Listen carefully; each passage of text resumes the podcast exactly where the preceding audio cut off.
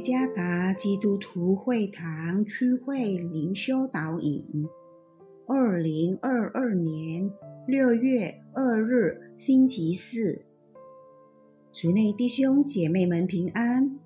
今天的灵修导引，我们要借着圣经《约翰福音》十四章十六到十七节来思想今天的主题：战争中之美好。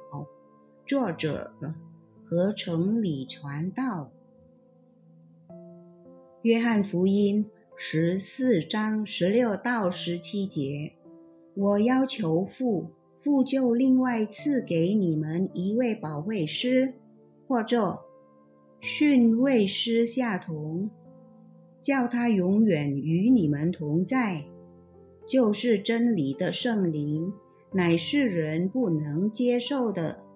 因为不见他，也不认识他，你们却认识他，因他常与你们同在，也要在你们里面。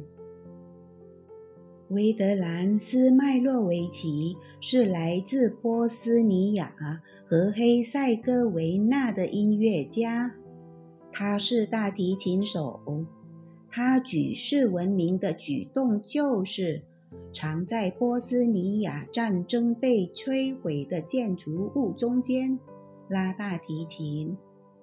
他穿上正装礼服，在废墟和街道上独自演奏大提琴，好像在音乐会上一样。詹姆士·布赖恩·史密斯谈起有关斯麦洛维奇的这举动。在悲剧中，他的音乐反映出一个不同的世界，一个美丽、良善和真理所在的地方。史密斯进一步说：“斯麦洛维奇已经成为在疯狂的战争中如何持守美好之标记。”主耶稣明白，他的门徒将无法展现美好的属天生活，其中之一就是以自己的力量彼此相爱。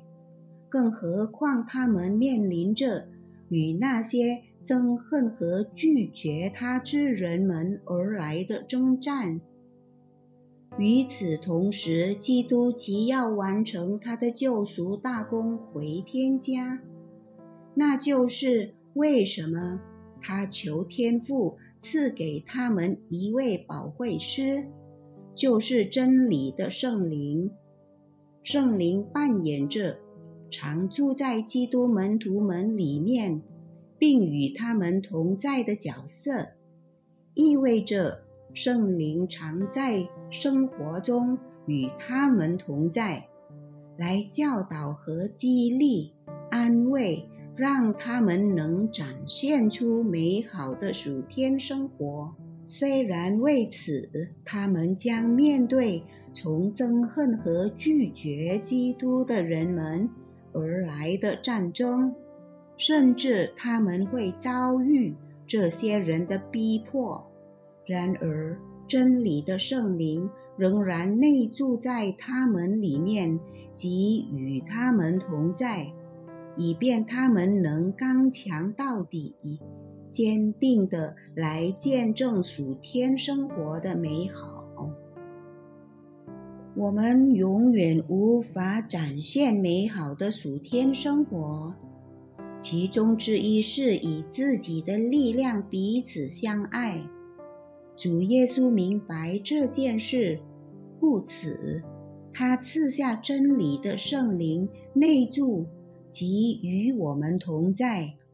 真理的灵与我们同在，且内住在我们里面，为教导、坚固、安慰我们，让我们能展现出美好的属天生活。虽然为此，我们将面对憎恨和拒绝基督的人们而来的战争，我们可能会被毁谤、鄙视、伤害，甚至逼迫。只为要活出属天生活的美好。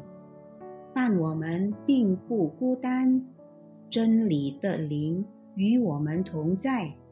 他总是透过上帝真理的圣言教导我们，他也常常激励和安慰我们感到恐惧、软弱、伤痛的心。坚持到底吧！基督门徒的悖论，面对拒绝基督人们的战争中。仍坚持展现美好的暑天生活。主耶稣赐福。